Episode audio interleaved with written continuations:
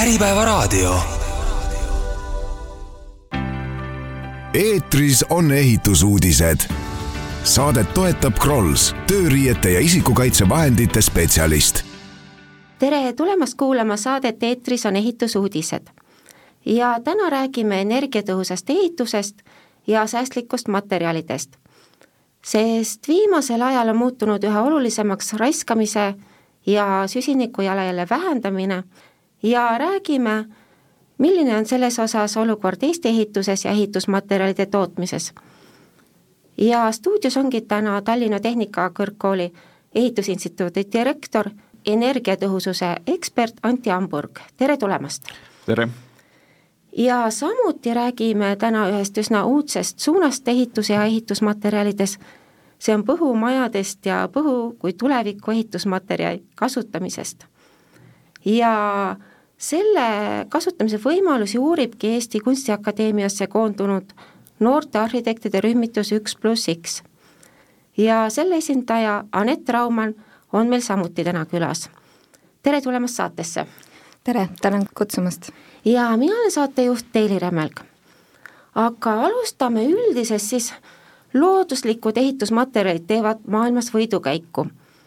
ja igal pool otsitakse võimalusi, kuidas neid enam toota ja ka kasutada. ja räägime ehk alguseks lühidalt, millised on olulisemad uued lähenemised ehituses ja uute materjalide võimalik mõju ehitustööstusele? jah, nüüd ongi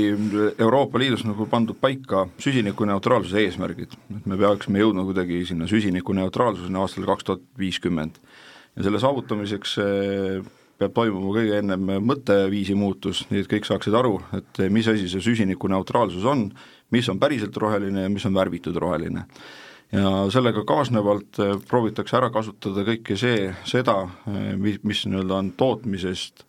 jääb järgi, et midagi ei läheks nii-öelda jäätmeks, midagi ei maetaks maha, vaid kõik nii-öelda, kõik materjal saaks võeta ringkasutusse. eks see ringkasutus on see, see põhimõte kui me räägime ka looduslikest materjalidest, siis see looduslike materjalide kasutamise üks nii-öelda eeliseid on ka siis see, et et kui selle materjali kas põhu või, või, või nii-öelda näiteks tööstusliku kanepi osas on võimalik kasutada ära siis eh, neid eh, nii-öelda põhisaaduseid, mille pärast neid kasutatakse, siis sinna tekib nii-öelda paratamatult ka jääk, mida saaks eh, uuesti nii-öelda, mitte uuesti kasutusele võtta, vaid mida saaks kasutusele võtta ja neid kasutusvõimalusi ka analüüsitakse. Ja nüüd läbi selle rohepöörde on kõik sellised tegevused äh, ja kõik innovatsioonid, mis kaasnevad ringlusesse võtte, võtuga ja, ja nii-öelda ehitiste nii-öelda rohelisemaks muutmisega, on, on toetatud nii et me oleme täna sellise suure-suure innovatsiooni lävel ja on väga hea meel, et Anett on siis tulnud, tulnud ka siia saatesse rääkima põllumajadest, aga nüüd näiteks Tallinna Tehnikakõrgkooli poole on pöördutud ka just selle nii-öelda tööstusliku kanepi ärakasutamisest, ehk siis seda, kuidas sellega eh, toota näiteks ehitusblokke. Selliseid huvirühm, rühmad on nii-öelda täna, täna nagu ärkanud ja täiesti tunnevad ka huvi ka sellest, et kuidas nemad siis selle, seda rohepööret ehituses toetada saavad. Jah, ja viimasel ajal on hästi palju toetatud ja räägitakse ikkagi puidust kui Eesti ehituse päästerõngast ja kogu maailmas otsitakse ka viise, kuidas sellega vähendada süsiniku jalajälge ja aga samas on ühe võimalusega ka Eesti ehituse rohetiigri teekaart pöördunud põhuehituse poole ja toonud selle välja kui ühe võimaluse, et põhku võiks ka kasutada rohkem kui ehitusmaterjalina, et miks on siis selle taga, et kas Eestis on puit otsa saamas või on puit liiga kalliks läinud, et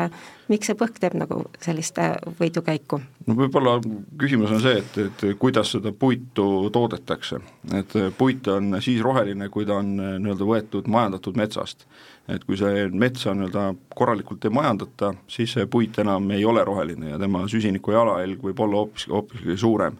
See tähendab seda, et kui me võtame majandatud metsa, vaatame, kui palju meil seda ressurssi on ja vaatame ka pikemat perspektiivi selleks, et kui palju meil üldse sellist väärindamisvõimalust nii-öelda puitmaterjali metsades on, siis siin tekib ka murekoht. ehk siis kui me ainult sinna puidu poole vaatame, siis me oleme väga lühinägelikud ja võime, võime ka oma metsad välja kurnata, aga see on hoopis teine teema, kuidas metsi majandatakse ja milline siis meie see puiduvaru on, aga, aga siin on eh, murekohad. Ja sellepärast proovitakse ka leida nüüd puidu kõrvale alternatiive, mida saaks siis kasutada nii-öelda rohelise, rohelise ehituse jaoks ja nüüd, kuidas teie jõudsite siis selle põhuehituse juurde, et kas see tundus perspektiivne või? Äh, põhuehituse juurde me tegelikult jõudsime läbi meie EKA ainetunni, mida ühendas siis Rene Puusepp, kus me pidime siis välja töötama hoone mustersüsteemi ja seal me avastasime ka, et äh, et oleks huvitav katsetada põhku kui potentsiaalse ehitusmaterjalina meie mustersüsteemis ja selle ideega me siis võtsime ka garaaži võistluse ja sealt panime aluse siis äh, uurimisrühmale. aga miks me valisime Põhu, on seetõttu, et, et see on, et see on tegelikult väga hea materjal, mida tagasi tuua, et põhku on tegelikult kasutatud juba aastasadu, aga ta küll ei hakka asendama otseselt puitu, sest äh, põhu eesmärk on äh, anda hoonele soojustus. Ja seda me lisaksime siis puitkonstruktsiooni vahele ja põhu kasutamisel äh, soojustusena on, on väga palju eeliseid, nagu näiteks esiteks see on to odav tooraine, kuna, kuna ta on äh, jääkprodukt, see on biogeenne ehk äh, looduslik materjal, ta tagab parema sisekliima hoonele, samuti on seal head akustilised näitajad, ta seob CO kahte, ta on ümbertöödeldav ja,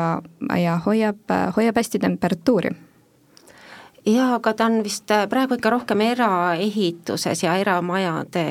juures, et äh, praegu on suur äh, ootus, et korteriühistud hakkaksid renoveerima vanu hooneid, et kui palju seal näiteks saaks selliseid põhu, põhupaneele kasutada või kas on ka mõni näidis juba täitsa olemas? Põhu, põhunäidised mina ise isiklikult ei tea, aga, aga me teame nagu väga laialdaselt puitmaja soojustamisel roomattidega, et, et see roo, roomattide nii-öelda alternatiivina saaks nii-öelda ka põhku kasutada, et see on täiesti võimalik. nüüd on küsimus on see, et, et kuidas, kuidas ja kus seda kasutada, et igasugune sisemine soojustamine on riskidega seotud ja seda on näidanud ka nii-öelda näiteks roomattidega soojustamine, et et see auru erijuhtivus eh, nii põhul kui rool on nii-öelda väga suur ja kui me paneme sinna nii-öelda väljapoole auru mitte läbilaskva kihi või nii-öelda vähem auru juhtiva materjali, võib tekkida meil ka nii-öelda sees eh, hoones niiskustehnilised probleemid ja selle põhu või siis roo eh, ja siis olemasoleva kandekonstruktsiooni vahel, näiteks ka palkseina vahel, võib hakata, hakata arenema mikroorganismid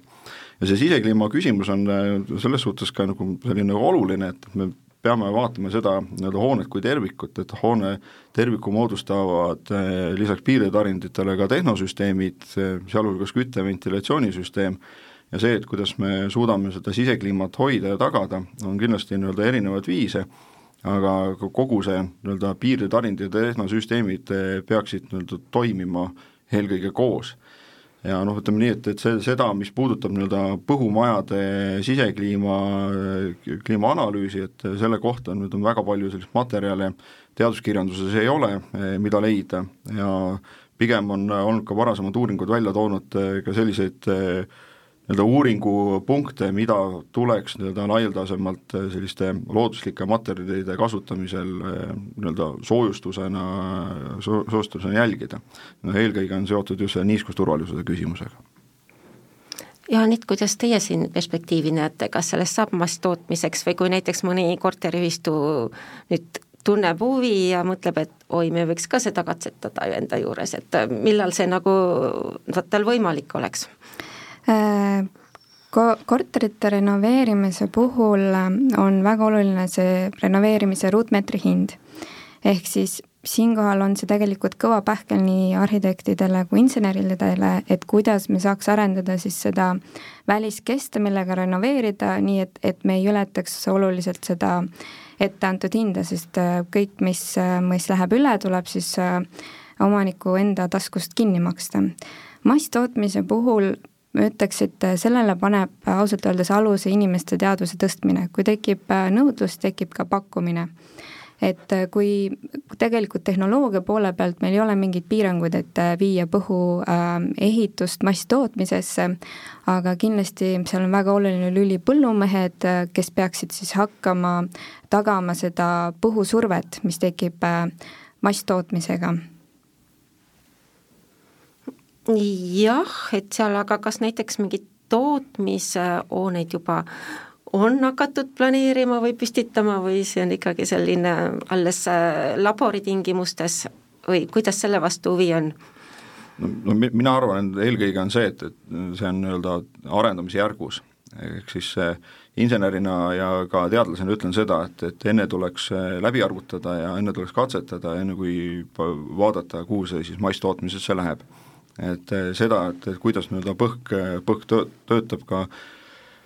soojustusmaterjali näiteks korterelamute nii-öelda välispidises soojustamisel tuleks see ära lahendada, aga nii-öelda ka läbi projekteerida ja läbi analüüsida siis need soojustussüsteemid. et kas ja kuidas nii-öelda väljapoolt neid, seda soojustust katta, kuidas see soojustus hakkab tööle, kas ja kuidas sealt nii-öelda neid kinnitada, näiteks olemasoleva konstruktsioonide kinni, külge, et kas nad panna nii-öelda siis puitkarkassi vahele või, või kuidagi nii-öelda kleepida selle seina külge, noh piltlikult öeldes, või muud moodi ankurdada, et, et see, need, need kõik vajavad, vajavad kindlasti nii-öelda sellist arenguhüpet, noh ja, ja me saame ka öelda, et me ei ole tegelikult leidnud väga häid ähm, uurimistöid selle kohta, et kuidas põhuga renoveerida, et see on kindlasti veel äh, lapse käigus, aga igasuguste innovatiivse materjalide äh, turule tulekuga on tegelikult väga, annab väga suure mõju äh, konstruktoritele ja, ja näiteks tuleohutusspetsialistidele, kes siis peavad võtma vastutuse, et need materjalid äh, tagavad äh, mis iganes tingimused meie seadusandlus annab, annab. Ja tegelikult see vastutuse võtmine on väga oluline teema, et kes siis lõpuks vastutab ja kas, kas me saame oma konstruktorid äh, kindlustada nii, nagu me kindlustame, kindlustame oma autosid no si-, siin tuli nagu üks teema veel välja, see tuleohutuse aspekt, mis on seotud just nagu öelda ka põhumajadega ja kõige selli-, selliste nii-öelda põlematerjalidega. et väga palju selliseid, kui reeglistikku vaatad, vaadata tuleohutusnõuete osas, siis nii-öelda kõige, kõige kindlam oleks öelda seda, et seda kasutada ei saa. aga just nagu, nagu mida Anett nagu hästi välja tõi, on see, et, et see nii-öelda vajaks nii-öelda uurimist ja katsetamist ka näiteks sellised eksperimentaalkatsetused, mida tehakse siis eh, tulekatseteks, vaadatakse seda, et kuidas ta siis tegelikult nii-öelda põleb või milline selle tegeliku põle, põlemiskoormus on, kas seda nii-öelda materjali oleks millegagi töödelda, et seda, seda, seda põlemiskoormust muuta ja seda põlemisaega muuta, et kõik need on vaja, vaja, vajalikud teemad, mida tuleks nii-öelda ennem, ennem läbi käia, kui see nii-öelda masstootmisele läheks. jah, just, aga see eeldab ka pilootprojektide loomist, mis tähendab, et ikkagi me peame võtma mingeid riske ja te-, tegema reaalseid katsetusi, et me ei saa jääda ainult äh, paberi peale. et, et näiteks siinpool vaadata äh, Pariisi suunas, seal on äh, loodud siis see RE kakskümmend, kaks tuhat kakskümmend seadusandlus, äh, mis siis nõuab, et näiteks kolmkümmend, kuni kolmkümmend protsenti äh, arendustest peab kasutama ökoloogilisi ehitusmaterjale. siinkohal siis puit, põhk, savi teevad seal väga suurt arengukäiku ja, ja nemad on ise võtnud siis selle riski või linn ise nõuab, riik ise nõuab, et, et me peame katsetama, me peame kasutama ja vaatama, kuidas need toimivad. ja need projektid on siis ka ette Äh, või ehitatud nii, et, et neid hiljem saaks analüüsida ja, ja tean ka seda, et seal Pariisis on olemas selline uurimiskeskus, mis siis annab oma nagu kindlustunde, äh, loob mingeid sõlme ja ütleb, et või kui te nii kasutate seda materjali, siis see töötab, siis me lubame ehitada. See on, see üleskutse on äh, väärt mõte ja tegelikult täna sel, sellel aastal, aastal kaks tuhat kakskümmend neli kogutaksegi kokku selliseid ideid, mida siis selle rohepöörde elluviimiseks tuleks veel teha, et, et kui me täna näiteks eh, Tallinna Tehnikakõrgkool, Tallinna Tehnikaülikool ja ka Kunstiakadeemia eh, koos veel Maaülikooliga osaleme siin sellise rohekonsortsiumi töörühmas, ehitusvaldkonna rohekonsortsiumi töörühmas, kus me analüüsime täna ütleme siis hakkasime siin eelmisel aasta lõpus analüüsima ja ka kuni selle, selle aasta novembrini analüüsime seda, et üldse, et millised nii-öelda ro-, rohekompetentsid üldse meil nüüd ka kooli õppekavades on, et milline meil teadlikkus üldse on. Ja, ja sinna on kaasatud ka erialaliidud, kutsekoolid, et milline teadlikkus üldse selles valdkonnas on, et mida nemad üldse peavad rohekompetentsideks kuidas nad nii-öelda täna toimetavad ja järgmiseks aastaks nii-öelda on ettevalmistamisel ka meetmed just seda, et, et milliseid teadmisi meil vaja on ja kuidas me nii-öelda ennast selles valdkonnas koolitame ja ka milliseid uurimistöid on vaja läbi viia selliste ökoloogiliste materjalidega, mis aitaksid seda süsiniku jalajälge reaalselt vähendada ja kuidas praegu on ettevõtted sellega kaasa tulnud, et äh, põhimõtteliselt ju praegu on keeruline olukord ehituses, me kõik teame, hinnad on, on nagu on, et osad tõusevad, osad langevad, ka tööd ei ole väga palju, et kas see kuidas nemad suhtuvad, et see rohetoodete üks suur probleem on see, et nad kipuvad olema kallimad no pigem on see, et, et ettevõtted täna, kui tööd ei ole, on nad valmis kaasa mõtlema, et kuidas mm, -hmm. kuidas ennast nii-öelda, nii-öelda arenguteele aidata, et, et ka meie oleme ettevõtetega rääkinud ju see, et, et milline oleks nii-öelda selle valdkonna innovatsioon. ja see rohepööre on, nagu öelda, üks võimalus suur,, suur-suur võimalus, kus seda innovatsiooni teha ja kus leida nii-öelda ka nii-öelda turueeliseid et ettevõtted, kes, kes täna mõtlevad, et kuhu, kuhu võiks nii-öelda investeerida, siis see on see koht, kuhu võiks täna investeerida ja kus leida ka kõrgkoolidega koostöövõimalusi nende selliste pilootprojektide elluviimiseks. ja, ja kindlasti on riik koos siis Euroopa Liidu nii-öelda toetusmeetmetega siia nii-öelda appi tulemas ja kaasa tulemas. täna on pigem küsimus on see, et, et meil on vaja rohkem seda aktiivset nii-öelda massi selles valdkonnas, et me saaksime oma neid ideid ellu viia ja siin on siis nii-öelda meie riigi väiksusest tulenevalt on meil võimalik väga palju asju väga kiiresti võrreldes suurte riikidega ära teha. ja Anett, kuidas teil kogemus on, kus see tase meil praegu see arendus on ja kas juba uuritakse ka veidi või küsitakse, et kas saab varsti tootma hakata? Äh, jaa, eks meil ikka tuleb vahepeal ähm, väikseid toredaid kirju, et kas, kas saab juba osta neid meie põhumaju, aga ähm, Eestis, Eestis me tegelikult ei, ei saa väga häid näiteid tuua, kui ainult siis äh, üksi ehitajad ja üksi aktivistid,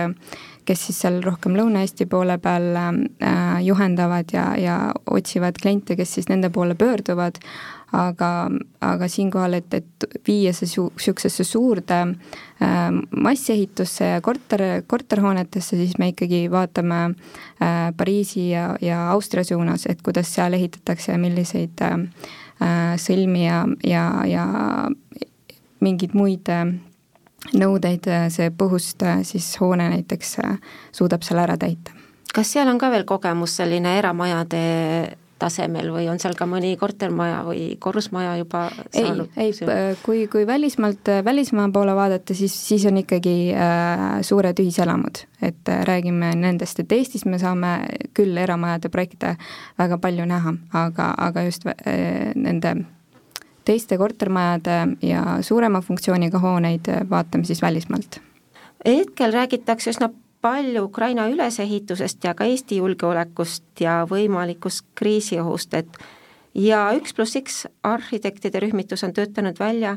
Ukraina SOS lasteküla tüüphoone. ja selle ruumi lahendus on veidi teistsugune kui tavaeramul ja hoone saab ka juba ehitusplatsil hõlpsa vaevaga püsti panna, et et kas see oleks selline väike hädavariant, kui on kriisiolukord ja kui on sõdaolukord, et et selle tugevus küll ei ole see, et ta peab äh, pommi kinni, vaid pigem temast ei ole kahju vist, kui ta ära pommitatakse? Ehm, selle Ukraina SOS Lasteküla tüüphoone kontseptsiooni andis meile ette siis Estev ja see tegelikult andis kogu meie arendusele algtõuke, ehk siis siin oli kaks teemat, kiirelt ja keskkonnasõbralikult et äh, kiiruse tagamiseks me lõime siis selle SOS Lasteküla põhjal mustersüsteemi, mis andis meile ette ka loogika, et kuidas meie äh, hooneid siis planeerida ja ehitada.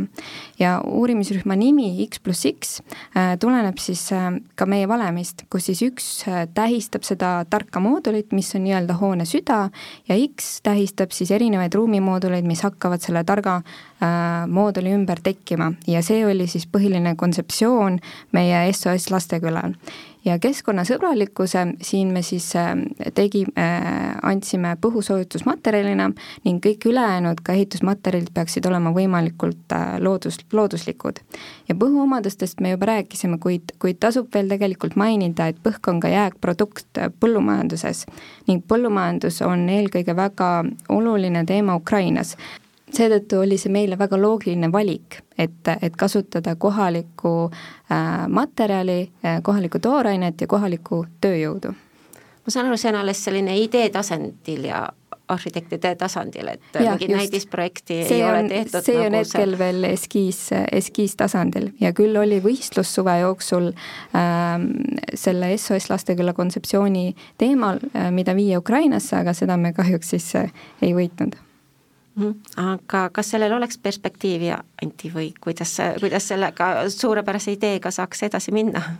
see, seda suurepärast ideed saavad kindlasti ehitusinsenerid, kui, kui see nii-öelda eskiis saab nii-öelda, nii-öelda realiseeritud ka põhiprojekti või lausa tööprojekti tasemel ja, ja see saab, saaks nagu valmis ehitatud, et siis oleks kindlasti seda analüüsida, no muidugi alguses see ka eskiisi tasemel, ehk kuidas see nii-öelda tööle hakkaks, ehk siis on see, et, et igal pool hoonetes on äh, vaja ka nii-öelda selliseid tehnokommunikatsioone, sealhulgas ka nii-öelda vett, see tähendab seda, et pesemisvõimalused peaksid olema tagatud ja ja kõik ütleme, põhuga seotud küsimused ongi see, et, et kuidas need põhumajad eh, nii-öelda peavad vastu selle kasutusaegsele niiskusele, mis seestpoolt tuleb. kuidas lahendada ära nii-öelda need sõlmed, mis on, mis on seotud just selle nii-öelda niiskete ruumidega, kuivade ruumidega ei ole selles suhtes küsimust, et see põhk on auru läbi laskev ja seda on võimalik ka nii-öelda nii-öelda seestpoolt, nii-öelda väljapoolt või piltlikult öeldes kroppida, kus siis aur, aur nii-öelda hoones sees tekkinud nii-öelda aur saab nii-öelda välja liikuda, aga seal, kus on eh, suurem niiskuskoormus, et kuidas seal see niiskus niiskusrežiim paika saaks ja kuidas see liigniiskus saaks, enne kui ta sinna põhu sisse ära läheb, et kuidas seda saaks eemal hoida. ja, ja kõik nii-öelda, mis on auru tõkestamisega seotud, tuleks ka ära lahendada. muidugi saab neid ära lahendada ka projekteerimise staadiumis ja vaadata seda, et, et kus kohas on nii-öelda need nõrgad kohad, mida saaks siis nii-öelda pilootprojektina nii-öelda valmis ehitada ja täpsemalt analüüsida täna, täna nii, nagu on analüüsitud ka kortermajade välisseina soojustussüsteeme, mis on näiteks äh, selliste moodul, moodulpaneelidega soojustatud, siis samamoodi ka tegelikult saaks ka seda nii-öelda põhu, põhumaju, maju nii-öelda niiskustehniliselt äh, analüüsida. see on kindlasti selline hea nii-öelda pilootprojekti üks, üks uurimisteemasid, et kuidas selle niiskusturvalisuse, turvalisus saab ära, ära lahendatud et üks, üks teema, mis on nagu põhuga seotud, on ka see, et, et ta on ikkagi orgaaniline materjal ja seal, seal võib tekkida ka hallitus, nii nagu ka puidu peale te, võib tekkida hallitus. ja see, et kuidas ta siis, kuidas see nii-öelda kogu seda, millal see hallituse tekkkoht on, et ka ehitusfüüsikas on olemas selline hallituse nii-öelda tekkimise nii-öelda riskiindeksid, mida saab ka nii-öelda projekteerimise staadiumis hinnata ja selle, kui on teada juba see nii-öelda niiskuse või hallituse riskitase, siis sealt saab leida ka nii-öelda meetmed, kuidas seda vältida Äh, jah, Anti on tõstnud üles väga olulised teemad ja me oleme oma uurimistöösse kaasanud kindlasti ka insenere, et me ei vaataks nendest äh, nõuetest ja kriteeriumitest mööda ja kes siis kontrolliks ka iga meie otsuseid. ja siinkohal hallituse ja niiskuse teemadel oleme rohkem toetunud äh, ka elu, elulistele näidetele, ehk siis väga oluline meie uurimuste osa on ka käia Eestis ringi ja vaadata neid erinevaid siis põhust maju, siinkohal eru, eramaju, mis on siis aastakümneid või mi-, mitmeid aastaid juba püsti olnud ja kuidas nad, neil on siis see põhk äh, reageerinud nendes hoonetes ja võib-olla see niiskuse poole pealt meil kindlasti üheks suureks abimeheks hakkab olema savi. Jah, ja ka need ehitusnormid ja seadused, need on Eestis ikkagi üsna karmid, et kas näiteks pank ja kindlustus praegu tuleksid sellega kaasa või kas pank annaks laenu või on, on teil juba mingi kogemus, et on andnud näiteks ja kindlustus kindlustab sellist maja no kindlasti siin on nagu palju välja, väljakutseid, nagu ütleme, et see, see on nagu kindlasti kindlustuse ja panga jaoks on selline uus kontseptsioon, uued lahendused ja siin, siin hinnatakse kindlasti riske hoopis teisel tasemel kui nii-öelda traditsioonilise ehituse juures. aga see ei tohi takistada nii-öelda innovatsiooni. see on nagu minu sõnum, et kui saavad ka nii-öelda need teemad läbi analüüsitud, läbi katsetatud pilootprojektide raames ja näidata seda, et see riskitase on väike siis, siis ma usun, et äh, nii pang-, pangad kui, kui ka kindlustusseltsid on, on äh, valmis neid nii-öelda siis kindlustusseltsid sama, samalaadselt kindlustama nagu, nagu teisi kõiki teisi hooneid seadusandluse poole pealt on meie üheks lemmiks näiteks on äh, puhukabeli põlemine, mis oli siis eelmisel aastal. Ja, ja seal siis tegelikult äh, oli olukord selline, et põhukabel küll põles, aga põles ära puit ja põhk jäi alles. Ja see põhk on äh, hetkel Viimsis ühe, ühe koduomaniku valduses, kes siis ehitas omale stuudiot põhust ja, ja tal tekkis seal selline intsident, et tema stuudio oli siis oma naaberkrundi abihoonele liiga lähedal ja Viimsi vald siis ütles, et tema ikkagi nõuab seda kaheksameetrist äh, tulekoja, tulekuja, äh, kus siis või kui on alla selle, siis peab olema tulekindel sein ja tuleohutusspetsialistile siis majaomanik selgitas ära, et näed, oli põhukabeli põlemine, aga puit põles ja see, see põhk, mis seal oli, on nüüd siin minu hoovis. ja see näide oli piisav tõestus tuleohutusspetsialistile, et anda luba, et see hoone võib olla äh, lähemal, kui tuleohutuskoja, kuja nõuab mm,. Jah, ja siin neid väljakutseid ja asju, aga üks asi on kindlasti äh, inimese mõtteviis, et kuigi roheehitus ja kõik roheteemad teevad väga suurt mõtteviisi, aga aga inimestele ikka tundub, et see põhk ei ole vist see päris õige materjal, et mis te nagu nendele ütlete? No eks see mõtteviis ongi, et kui me ka oma tutvusringkonnas või sõprusringkonnas räägin sellest, et millest võiks maja ehitada, siis, siis nii-öelda ajalooliselt on miskipärast Eesti inimesed on sellise kivimaja usku. et see, see on niivõrd sisse juurdunud inimestele, et nüüd vist ka puit tuleb peale. ja nüüd aga..., nüüd, nüüd, nüüd tuleb ka puit peale ja kui, kui seda usku hakata pöörama siin põhumajade või, või muu muu selliste ökoloogiliste materjalide poole, siis, siis selle, selles osas tuleb ka väga palju nagu teadvitustööd teha, teha, et, et pigem on puudus sellest, et teadmised puuduvad seda, et kuidas ja mismoodi materjali kasutatakse. ja Anett, kas teie olete ka kohanud seda mõtteviisi, et noh, see on selline tudengite selline mõtteharjutuseks hea, aga eks vahepeal ikka tuleb ette, kuid, kuid tegelikult meile ikkagi jõuavad neid asjahuvilisi ja me oleme ise rohkem ka võib-olla nende inimeste seltsis, kes siis hindavad looduslikku ehitust ja saavad aru, et, et näiteks põhu kasutamine tagab palju tervislikuma sisehoon-, sisekliima hoonetes, mis on meie enda organismile naturaalsem et meil on tänasel päeval nii palju keemilisi ehitusmaterjale, mis eritavad kahjulikke emissioone ja üks EKA tudeng tegi isegi oma magistritöö muut-, mõõtes siis kooliruumides materjalide emissioone ja tegelikult tulemused olid üllatavalt kehvad. ehk siis siinkohal me peame endale väga oluliseks kaitsta ja hoolida inimeste tervisest ja, ja kas kuskil saab neid põhupaneele osta ka juba, et keegi müüb neid või see rohkem selline harrastajate tegevus praegu? jah, saab küll, hetkel on meil ähm, Eestis niisugune eeskujulikum äh, transportija äh, Eko, Eko, Ekokokuun, Ekokokuun siis, et äh, sellel on edasimüüja Moostes, aga ta on ise Leedu, Leedus on tema enda põhupaneelide tootmistehas ja siis on muidugi ka Pärnus, kes toodavad mingit kokku põhust pressitud ähm, paneele, kuid, kuid reaalseid seinapaneele saab siis Ecococoonilt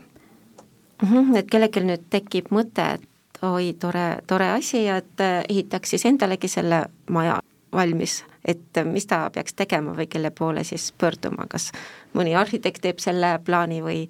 või teie teete selle arhitektuurse lahenduse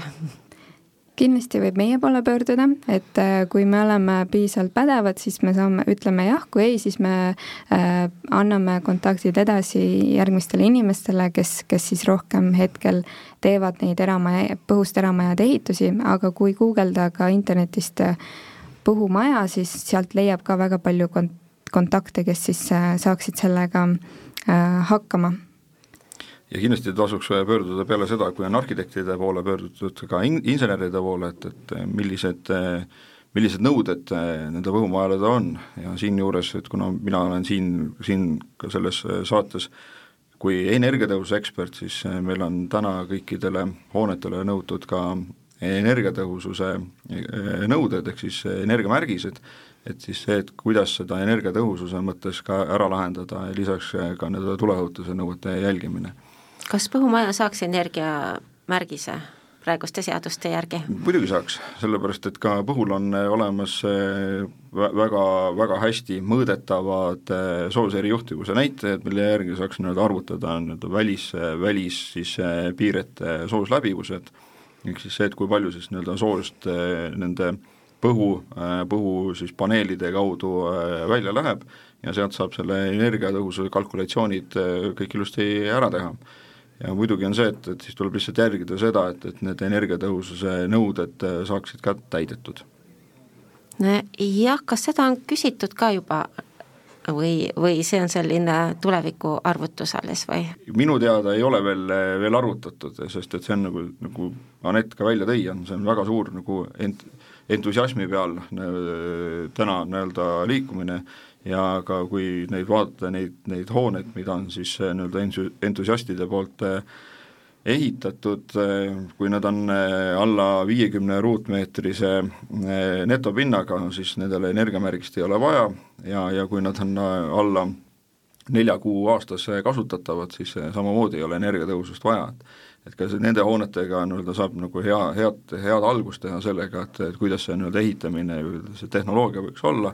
aga kui juba lähevad jah, mahud suuremaks ja, ja aastaringseks kasutamiseks hooned on, siis, siis on, oleks neid energiatõhususe kalkulatsioone kindlasti juurde vaja, et saada ehitusluba ja pärast hiljem ka kasutusluba.